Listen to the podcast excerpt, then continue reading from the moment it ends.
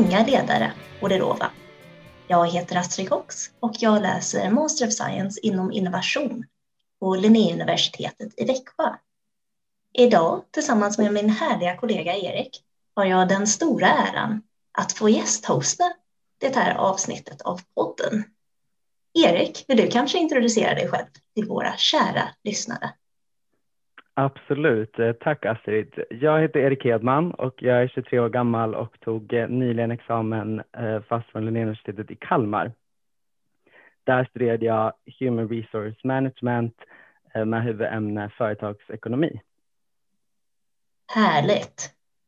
Jag och Erik vi känner varandra genom JLA, Junior Ledarskapsakademin, ett samverkansprojekt som handlar om eh, att utveckla studenter i det praktiska ledarskapet eh, genom olika aktiviteter såsom seminarier, webbinarier, studiebesök, ID-labb och även praktiska övningar. För att få en så nära koppling till näringslivet som möjligt sker ett samarbete med verksamma ledare och chefer. Yes, och idag har vi med oss en otrolig affärskvinna som bland annat har suttit som CEO för Icano Group och tidigare haft höga positioner inom Ikea såsom Global Area Director över både Children's Ikea och Kitchen and Dining. Listan är lång på bolagsstyrelser som hon har suttit med i och eh, samtidigt är hon en maratonlöpare på sin fritid. Varmt välkommen till podden Arja Tavaniku. Tack så mycket. Sa jag ditt efternamn rätt? Ja, ja Arja Tavenikku. Absolut, det sa du absolut Jättebra. rätt. Jättebra. Vi tänkte börja lite och prata om din karriär. Utifrån sett så har du ju haft en storslagen karriär. Och vi tänker lite så här, men hur ser du på din resa som, eh, som ledare? Eh, ja, alltså jag går inte runt och tänker på mig själv som att jag har haft en storslagen karriär eller att jag skulle vara framgångsrik. Det är inte riktigt så som min hjärna fungerar.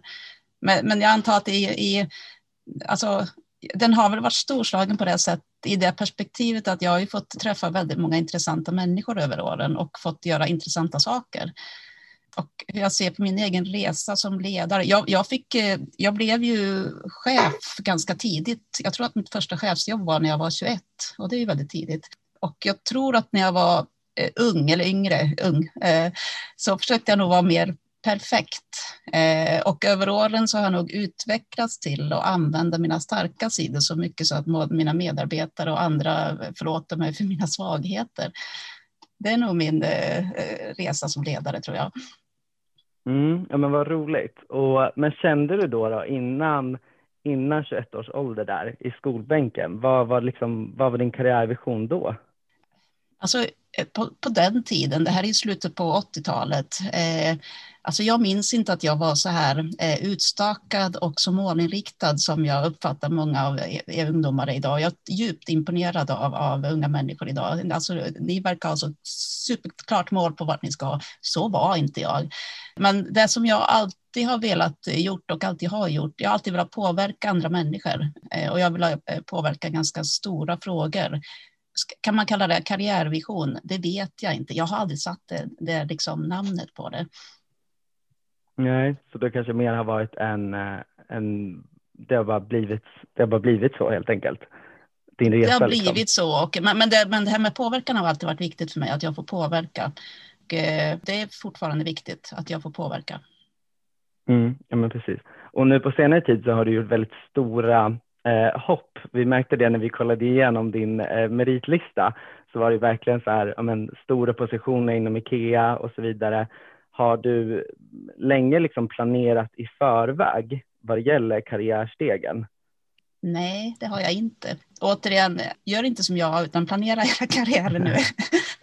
Men eh, jag har väl blivit erbjuden möjligheter eh, som jag har kunnat ta mig an och eh, det som har varit viktigt för mig det är att ta jobb som jag tycker är intressanta och snarare än vart de leder. Eh, och jag har väl alltid tänkt så här att, eller sagt så här att det här är det roligaste jobbet jag någonsin har haft, men det har jag sagt om alla jobb jag har haft. Och eh, vad jag har jag har snarare valt bort saker som jag har känt att det där kommer inte vara liksom eh, någonting som inspirerar mig eller någonting. Så jag tackar nej till ganska mycket över åren också. Och jag tror att det viktigaste för mig har varit och fortfarande är, och jag fyller 53 i år, men det är fortfarande viktigast för mig att jag får lära mig nya saker. Eh, så det här med lärande är viktigt i, i nya roller. Mm. Men så man skulle kunna säga då att du har fokuserat kanske mer på liksom, eh, vart du har varit i livet och de möjligheterna som har eh, kommit fram snarare än att det ska bli en, en, en enhetlig liksom, eh, vision genom karriären. Ja, så kan man säga. Och sen har jag väl haft lite tur också, blivit erbjuden saker mm. som... Eh, så att det, det är ju en kombination av, av eh, jag har varit på lite rätt platser, lärt känna lite rätt människor, har haft lite eh, liksom, tur med nätverket och eh, jag har nog jobbat ganska hårt också för det. Mm. Du, sa, du nämnde något som var lite spännande där, att du verkligen eh, tyckte om varenda roll och, och trivdes bra i den.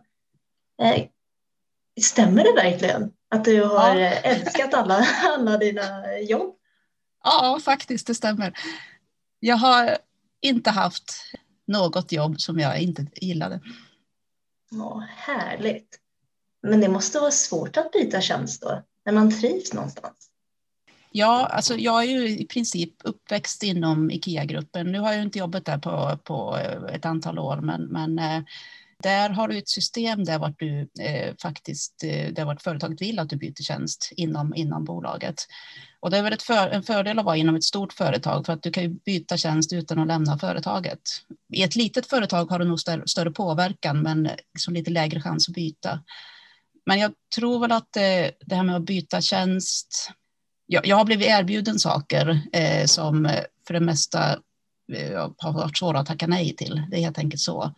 Men jag, jag tror att man ska tänka så här när man byter tjänst, att det, man ska ha slutfört någonting. Du ska kunna skriva i CV vad du åstadkom på den här rollen. Inte bara att du jobbade, hade det här jobbet, utan att du faktiskt åstadkom någonting. Det var någonting du alltså, bidrog till. Det var tack vare dig att det där hände.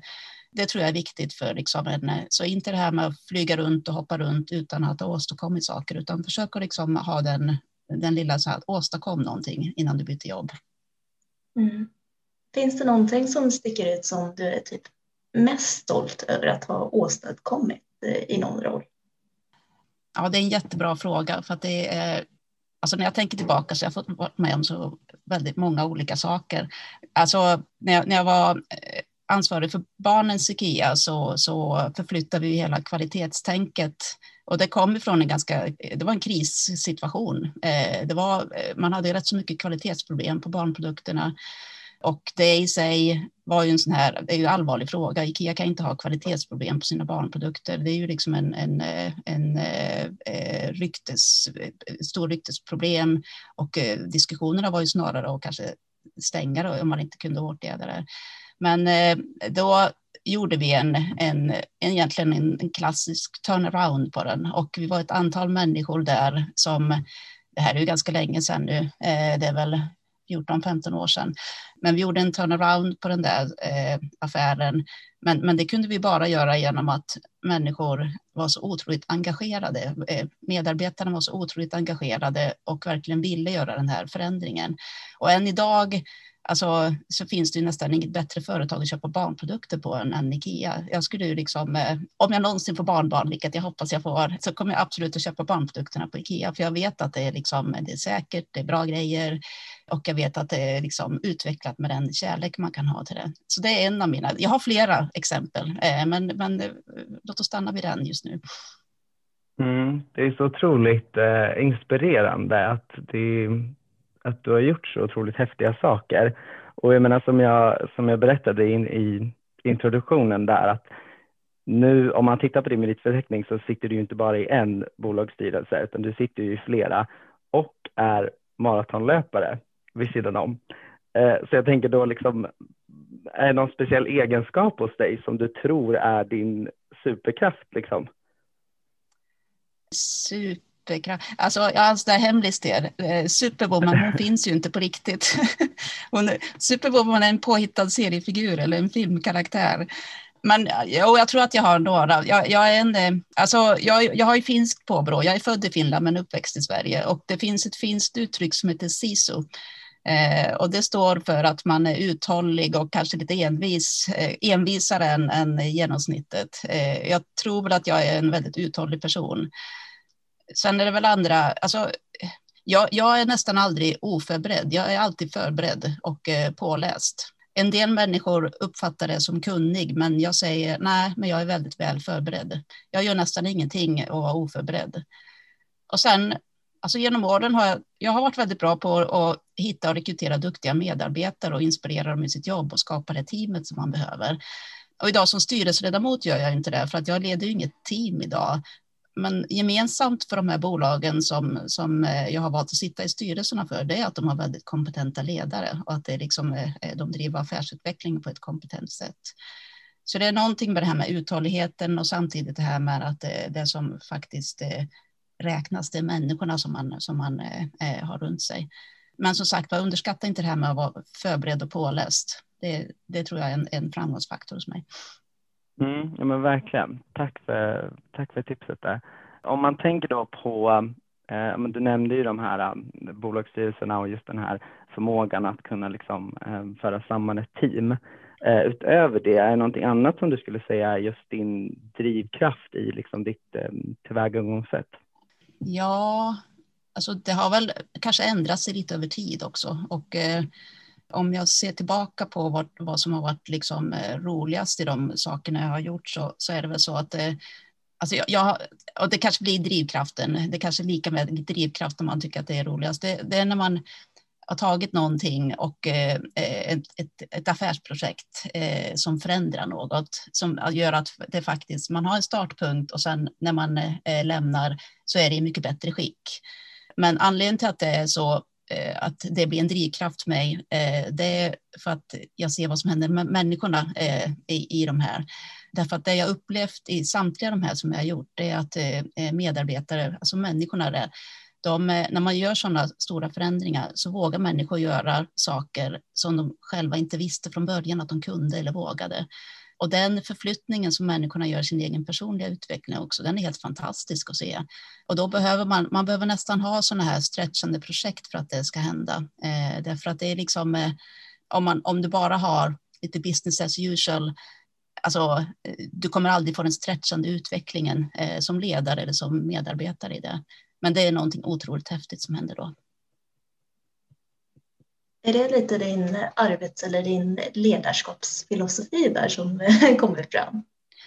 Ja, det är det lite, men, men, men det är klart att jag har också arbets och ledarskapsfilosofi. Det, är väl, alltså det här är inte speciellt modernt att säga, men jag har alltid jobbat väldigt hårt. Man skulle säga det att ja, men jag har alltid haft balans i livet, men tyvärr så har jag nog alltid jobbat väldigt mycket och väldigt hårt. Och eh, som filosofi har jag väl också haft, alltid haft att jag alltid satt vad som är viktigast för företaget före vad som är viktigast för mig. Jag är inte ens säker på att det är jättebra. Eh, vill jag ge, ge det som en rekommendation till er som är unga? Jag är inte säker, men, men så har jag gjort. Men det här med teamet är det viktigaste. Att, som ledare är man ingenting utan teamet. Och teamet som helhet måste vara framgångsrikt. Så att det räcker ju inte om du har en stjärnspelare i teamet. Alltså, Sverige vinner inte fotbolls-EM eh, bara Zlatan i och nu ska han inte spela så att nu kommer han inte vara med. Men, eh, men det är teamet som, som räknas. Men, men som ledare har jag ju, och jag gör lite det i mina styrelser också. Min, min, alltså, jag gör egentligen två saker med människor. Jag, jag stöttar och utmanar. Och eh, den, det är inte en 50-50 grej att jag hälften stöttning och hälften utmaning, utan det kommer nog bero lite på vart du står, vad du behöver, vad jag tycker att du behöver. Så ibland kan det vara 80 procent utmaning och 20 procent stöttning och ibland är det tvärtom, 80 procent stöttning och 20 procent utmaning eller eh, den proportionerna. Men just det här med att stötta och utmana tycker jag har varit eh, det var som egentligen karaktäriserar mig. Eh, och även om jag inte är direkt chef över någon idag så är det nog lite så som jag resonerar i för mina styrelser också. I styrelserna idag vill jag ju jag vill bidra med så mycket som möjligt. De ska ha så mycket värde av mig som möjligt. Det är mitt liksom, eh, mål. Det låter eh, jättebra. Nu har vi lite av en eh, känsligare fråga, för det är ganska het just nu att prata om könsfördelningar i ledarroller. Eh, tycker du att det finns några skillnader mellan det kvinnliga och det manliga ledarskapet och behöver vi göra något mer för att få fler kvinnor eh, att vilja utforska ledarskap? Eh, om det är en skillnad? Ja, den är jättesvår att svara på. Jag tycker inte den är så känslig att svara på och jag tycker man måste prata om de här för annars blir det aldrig ordning, ordning och reda på torpet. Men, men jag, jag, skulle inte säga att det är en, en, alltså, en sak som jag har tänkt på, som jag har reflekterat över. Att jag uppfattar nog att kvinnliga ledare i större utsträckning betraktar sig själva som lite mer juniorer än vad de är. Alltså jag träffar kvinnor med liksom 10, 15, 20 års yrkeserfarenhet och de ser sig ganska ofta själva som lite mer juniorer än deras manliga kollegor. Och eh, jag vet inte riktigt vad det beror på, men det, det, brukar, det, det är ganska genomgående tema när jag har, jag är mentor till, till eh, flera kvinnor. Och eh, det, det, det, här är förhållandevis lätt att fixa till, bara man uppmärksammar och ser det. Eh, då får man börja träna människor på hur man tänker på, om sig själv och eh, liksom vilken, vilken självbild man har. Men det var den enda skillnaden som jag har kunnat se. Och, alltså kvinnor är minst lika bra ledare som män och det brukar vara mer personbaserat om man är eh, bättre eller sämre ledare. Men det finns ju ingen anledning eller ursäkt att det fortfarande nu 2021 inte avspeglar sig i statistiken över chefer. Det finns ingen ursäkt alls för det. Det är liksom, nej, det, det finns det inte. Nej, men jag håller helt med. Jag tänker, men vad ska man göra då för att liksom eh, framhäva de här fantastiska kvinnliga ledarna och att de ska då sluta använda den juniora titeln och mer liksom, men det här är min titel och jag är grym på det jag gör liksom. Ja, alltså vi kanske kan nå ut lite grann när vi har den här, eh, via den här eh, podcasten. Ni kan hjälpa till lite här. Ja, men absolut. Alltså det finns, man brukar få börja med att träna och säga så här, istället för att säga hej, jag heter så här och jag är verksamhetschef, Säg så här istället. Hej, jag heter Anna eller vad, vad du nu heter och eh, jag har 15 års erfarenhet av det här. Jag har utvecklat människor, jag har utvecklat affärer. För att om du börjar träna på hur du pratar om dig själv, eh, då formar det också eh, hur du tänker om dig själv och då formar du också hur omgivningen eh, behandlar dig. Nu, nu, är det inte så att hela ansvaret ligger på kvinnorna. Tro, tro inte att jag säger det, för det finns ojämlikheter och men, men över tid, alltså min strategi är nu, jag kör ett sånt eget gerillakrig på det här. Jag tänker så här, vi stärker så många kvinnor som möjligt. Det är liksom, eh, och eh, skapar en, rörelse därifrån. För jag tror att det är egentligen enda sättet att, att komma till rätta med det här. Det är att stärka så många kvinnor som möjligt. Mm, nej men verkligen, jag håller helt med. Och det kanske går in lite i min nästa fråga, för det är lite så här, men hur har du gått tillväga för att boosta ditt självledarskap och ditt självförtroende? Det, det, det, alltså, jag har nog tur att vara född med ganska god självkänsla och det är skillnad på självkänsla och eh, självförtroende. Så jag har en grundläggande liksom, eh, känsla över att eh, jag tycker om mig själv från början. Däremot så åker självförtroendet berg och dalbana och eh, jag är en typisk person som många skulle missuppfatta och tro att jag har alltid ett väldigt högt självförtroende och det stämmer inte alls. Eh, ta ett exempel, jag, jag eh, har nog alltså, som olika typer av presentationer inför små grupper, stora grupper, alltså inför tusen personer eller inför 200 personer. Jag kanske har hållit hundratals sådana de senaste 15 åren och jag är alltid lite nervös innan. Jag, jag är alltid så här lite fjärilar i magen fast jag har hållit dem hur många gånger som helst och jag, och, eh, jag kan, jag vet hur man gör eh, och de allra flesta kommer inte att se att jag är nervös. Det är ändå så. Och jag, jag tror att det, första man, det viktigaste är det här att, att veta om att alla lider av det. Och om du aldrig har dåligt självförtroende, då har du nog något annat fel. Då, ska du, då har du någon annan diagnos tror jag.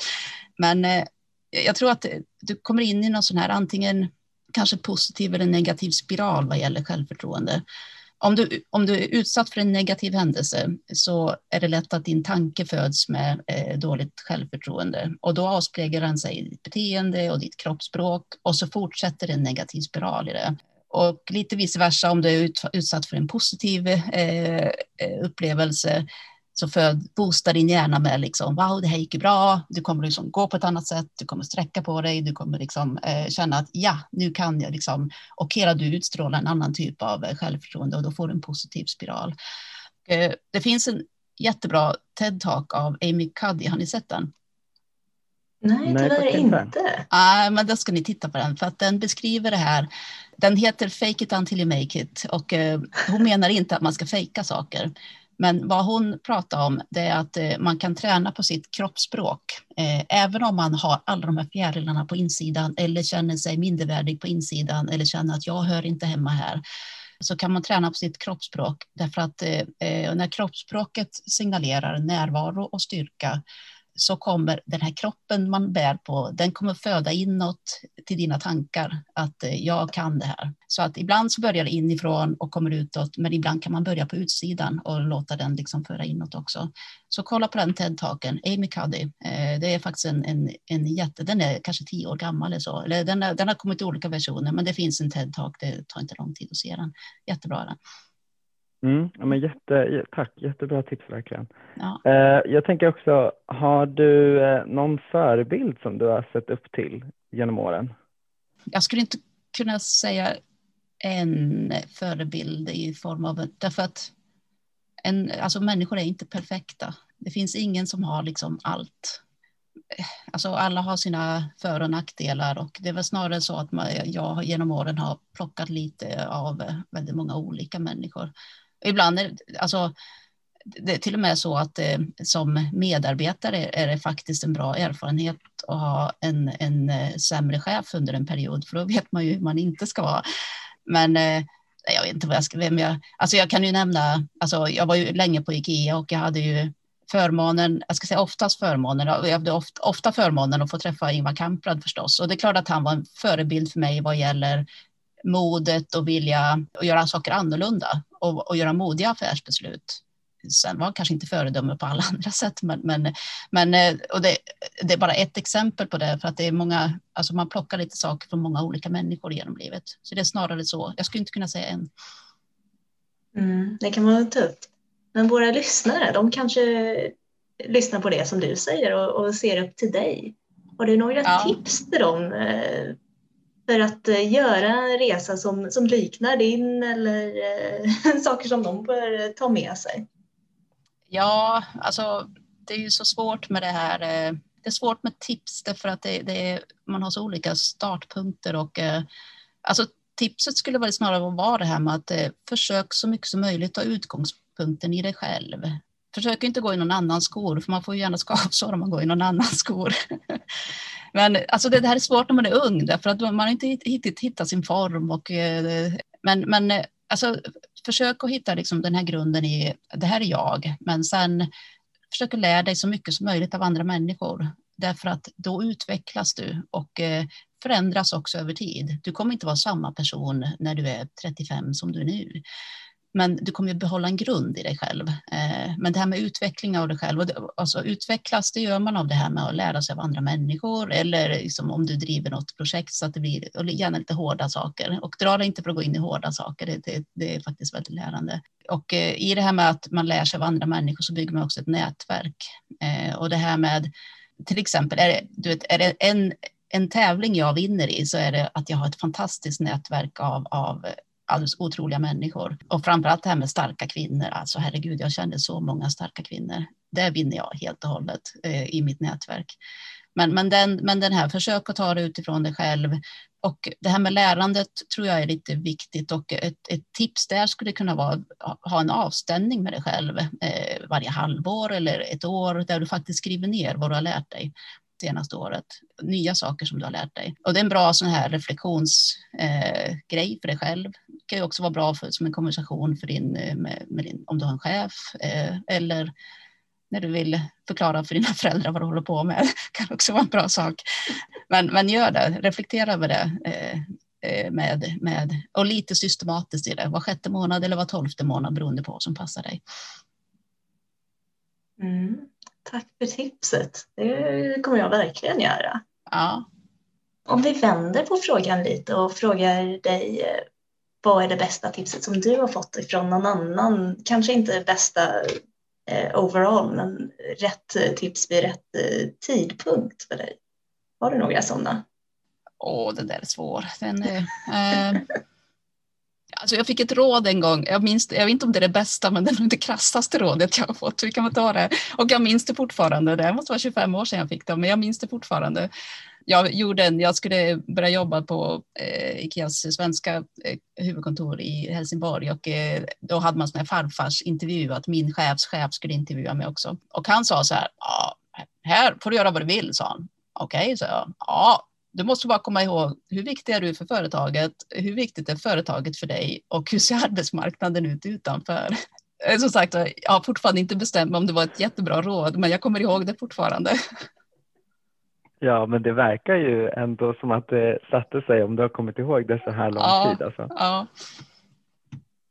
Och sen om, eh, om man tänker på de som lyssnar också, eh, är det några andra tips du tänk, skulle kunna ge för att till exempel men, för den resan du har gjort inom Ikea då, um, mm. vad har liksom varit nyckelfaktorerna till att liksom kunna utveckla och avancera sig inom en organisation på det sättet? Ja, jag, jag, jag tror att jag i alla jobb jag har haft så har jag liksom eh, så har jag alltid eh, funderat på, framförallt det här med vad som är bäst för företaget, men, men Eh, Eh, jag har drivit, eh, eller lätt, jag har inte drivit, för att det alltså som ledare så, man gör inte så mycket själv, det är ju medarbetarna som gör mesta jobbet, men, men alltså jag har drivit eh, affärsutvecklingsprojekt, ganska stora affärsutvecklingsprojekt, inte bara på Ikea, utan även utanför Ikea. Och grunden i det, eh, även om man kanske inte uttrycker det alltid så, så är det ju om man stär, hur man stärker företagets konkurrensförmåga eller konkurrenskraft. Och om man tar avstamp där eh, så har man ju nyckeln till nästan allt. Om man vill ha någonting godkänt eller man vill ha eh, någon som tror på ens idé. Men om du alltid tar avstamp i vad som eh, stärker företagets konkurrenskraft så kommer du, du kommer inte alltid få som du vill. Det är en annan sak. Men du har åtminstone liksom haft rätt startpunkt i, i om du kan förklara hur blir det här bättre för företaget när vi gör det här?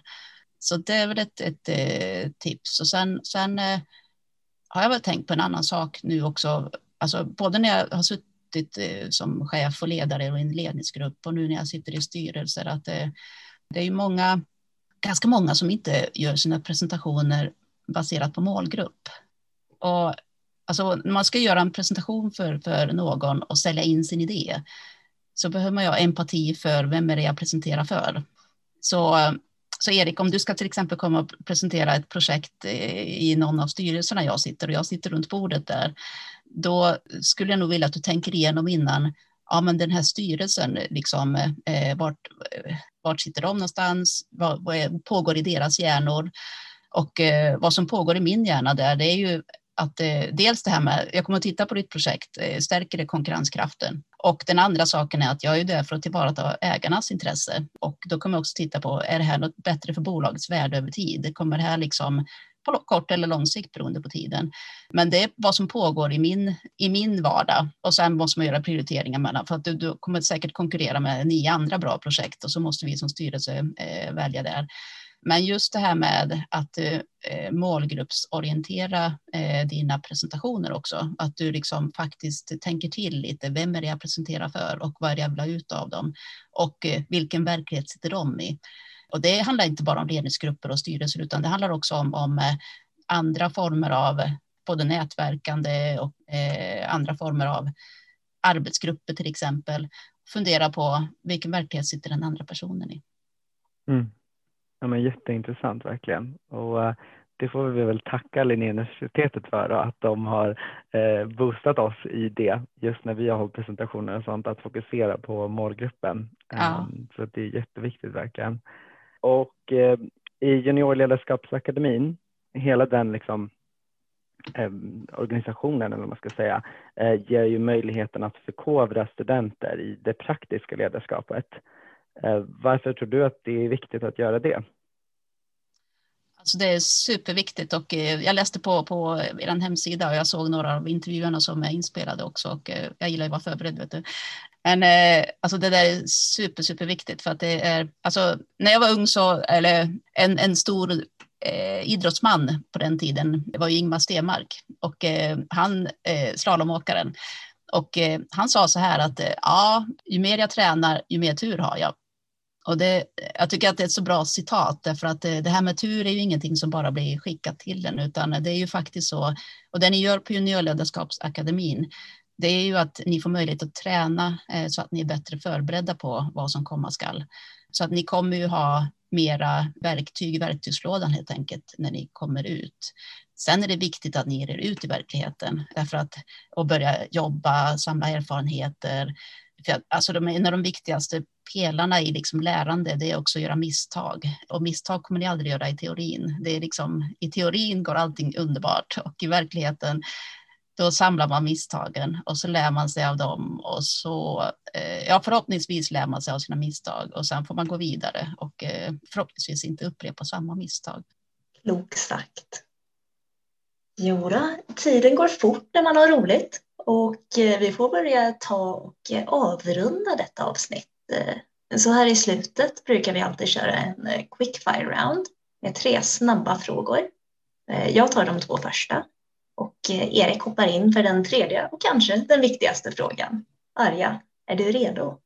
Ja. Tre snabba.